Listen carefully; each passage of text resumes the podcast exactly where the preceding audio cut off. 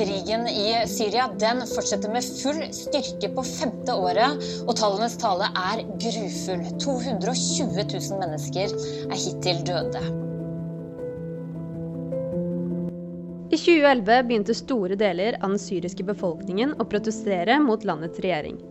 Protestene ble slått hardt ned på av regimets sikkerhetsstyrker, noe som bidro til å skape spenninger blant befolkningen innad i landet.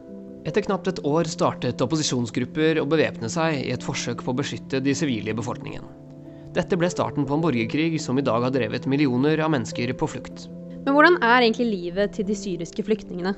Og hvilke virkninger har en slik konflikt på både den fysiske og psykiske helsen i etterkant av en flukt? Du hører på Hvor og hvorfor, en podkast av Bergen Global.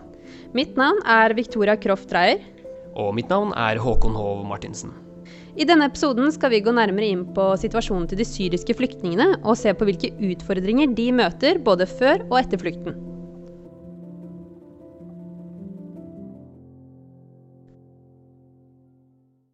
Den syriske borgerkrigen er en konflikt som har pågått helt siden 2011. Hovedsakelig pågår konflikten mellom landets myndigheter og ulike opprørsgrupper, men har i senere tid også involvert flere andre land som har blandet seg inn i konflikten. I dag har krigen resultert i store ødeleggelser, og flere hundre tusen mennesker har dødd. Men Victoria, hva er egentlig bakgrunnen for protestene som startet i 2011? Jo, For å kunne forstå bakgrunnen til eh, disse protestene som brøt ut i 2011, så må vi nesten 50 år tilbake i tid. Vi må helt tilbake til 1970, da Hafez al-Assad tok over makten i Syria gjennom et militærkupp. Etter dette har Syria blitt styrt under Assad-familiens autoritære regime i nærmere 40 år. Dette fortsatte også fram til 2000-tallet, da Bashar al-Assad overtok makten. Det som var litt annerledes da Bashar i denne situasjonen tok over makten, var at han hadde gitt inntrykk for at han ville innføre mer demokratiske reformer i landet. Dette skjedde da ikke, og regimet gikk heller i helt motsatt retning. Måten Bashar al-Assad gjorde Syria mindre demokratisk, var bl.a. ved å gi makten til færre personer. De som fikk spillerom, det var personer med den samme religiøse troen eller personer i nær familie av presidenten selv. Assad-familien tilhører en av Syrias mange religiøse minoriteter som kalles alawitter. Alawittene er en undergruppe av shia-islam, noe som førte til at det syriske regimet utviklet tette bånd til andre sjiamuslimske regjeringer og partier i Midtøsten. Dette var bl.a. regimet i Iran, regjeringen i Irak og den shia-dominerte organisasjonen Hizbollah i Libanon. Disse regimene utviklet seg til å bli viktige støttespillere for Assad-regimet under Syria-konflikten. Det som er litt spesielt med situasjonen i Syria, i forhold til at Assad-familien er eh, en del av alawittene, er at landet består egentlig kun av 10% alawitter. Dvs. Si at den retningen innen islam som har en sterk rolle i statsmaktene, representerer ikke den syriske befolkningen i helhet. Majoriteten av landets befolkning består av sunnimuslimer.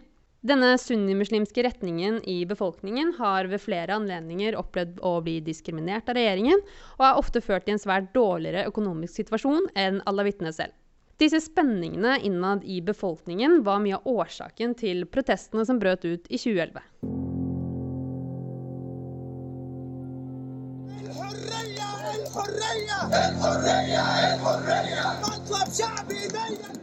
Først våger titusener seg ut i gatene.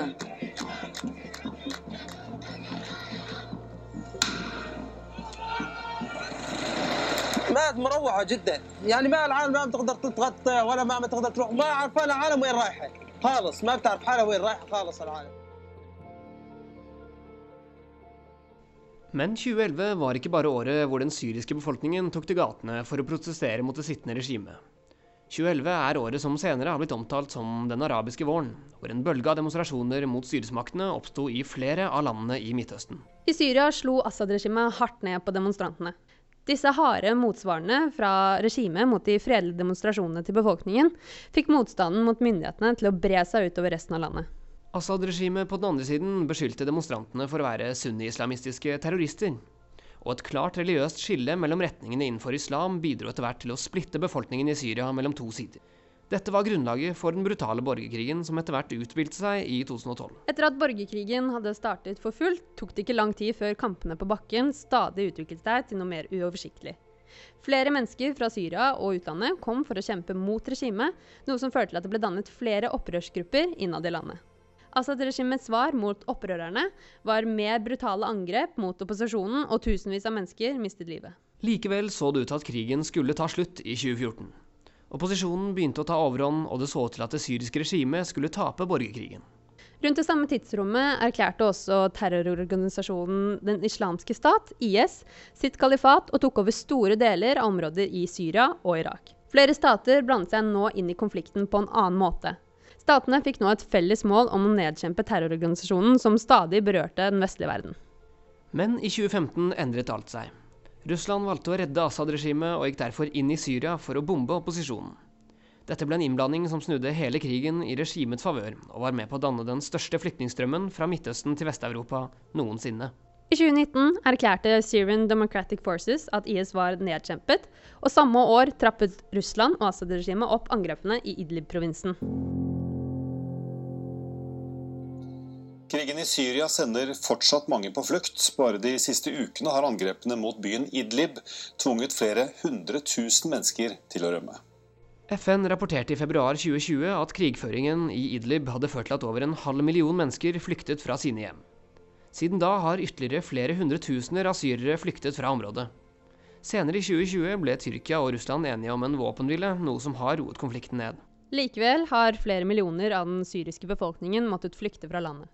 Flere av Syrias naboland, som Libanon, Jordan, Irak og Tyrkia, har alle mottatt store antall syriske flyktninger. Dette er åpenbart en stor belastning for nabolandene, både økonomisk og politisk, noe som har ført til at flere også har flyktet videre til Europa. Vi har nå sett på hva som er årsaken til at store deler av den syriske befolkningen valgte å flykte. Men nå skal vi gå nærmere inn på hvordan de syriske flyktningene har det i etterkant av flukten til Europa. Hva er situasjonen for flyktningene som ankommer de vesteuropeiske landene etter å ha opplevd lange perioder med krig og konflikt? Vi har vært så heldige å fått et intervju med Elisabeth Strømme, stipendiat ved Institutt for global helse og samfunnsmedisin. Hun har utført et studie av syriske flyktninger som ankommer vesteuropeiske land, og sett på hvilke langsiktige konsekvenser flukten har for helsesituasjonen for de enkelte flyktningene. I tillegg går hun også nærmere inn på hva vi kan gjøre for at situasjonen til flyktningene kan bli bedre etter at de har ankommet landet.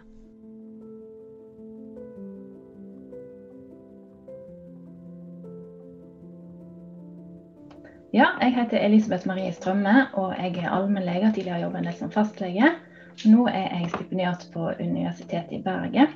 Eh, og jeg har òg en liten sidestilling eh, der jeg jobber som lege for flyktninger på Senter for migrasjonshelse i Bergen kommune.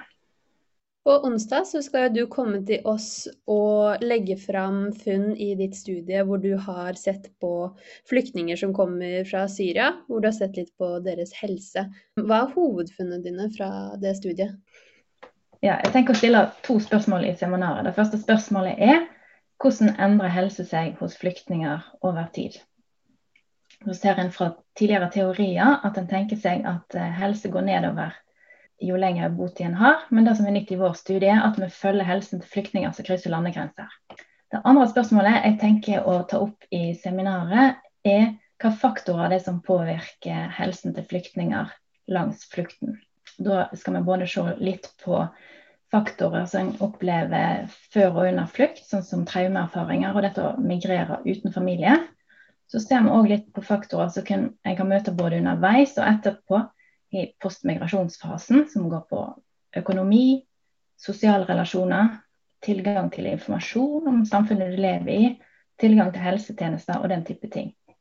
Hovedfunnene mine vil jeg si er at når man setter på endringer i helse over tid, så rapporterer de fleste ikke helseplager. Eh, og vi ser en stor nedgang i de som eh, rapporterer mentale helseplager fra de er i en transittsetting i Libanon, til de har vært ca. ett års tid i Norge. Mens eh, somatiske helseplager, sånn som kroniske smerter f.eks., kronisk funksjonsnedsettelse eller andre kroniske sykdommer, sånn som hjerte-karsykdom, diabetes, kreft, lungesykdom, det holder seg stabilt. Og vi har jo sett andre rapporter som viser at veldig mange i eh, Syria sliter med psykisk helse. Er det noe du også har lagt merke til, at veldig mange har det vanskelig? Ja, vi har målt eh, psykisk helse, og vi finner at eh, ca. en tredjedel sliter med angst og eller depresjon mens de er i Libanon. Men så ser vi en nedgang eh, fram mot de har vært i ca. ett års tid i Norge. Der det er ca. 11% som sliter med de samme tingene. Så vi ser at det skjer noe med den psykiske helsen eh, hos de. Så de vi har snakka med, er jo da overføringsflyktninger eh, som har kommet til Norge via dette kvotesystemet som vi har. Og vi tror dette henger sammen med noe som eh, kalles honeymoon-hypotesen, eller bryllupsreiseteorien, kan man kanskje kalle det på norsk. Eh, at en ser en eh, lettelse, kanskje en optimisme, framtidshåp i begynnelsen. Men tidligere forskningslitteratur forteller oss at vi må mistenke at helsen, den mentale helsen kan bli betraktelig dårligere jo lenger de bor i Norge. Hva er grunnen til det? Hva kan vi gjøre for at de kan få det bedre i Norge? Det kommer jeg til å snakke litt om i eh, seminaret. Eh, det vi har sett på, er bl.a. ulike migrasjonsstressorer som en kan oppleve før, under og etter flukt. Vi har sett på dette med å være utsatt for traume, men òg å migrere alene og uten familie.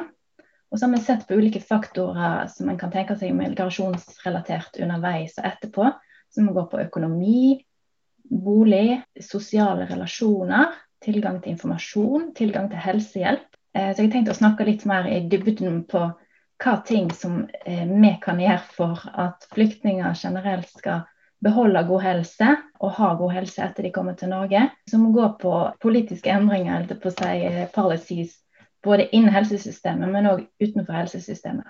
Og litt av hovedpoengene mine i, helt på slutten der er at punkt én, det er en del ting vi kan gjøre med som er i helsesystemet. Men egentlig så tror jeg det har større effekter en kan gjøre utenfor helsesystemet, fordi at en ser at en del innvandringsregulerende politikk eh, har veldig mye å si for helsen. Helsesystemet kan ikke sikre helse for flyktninger alene.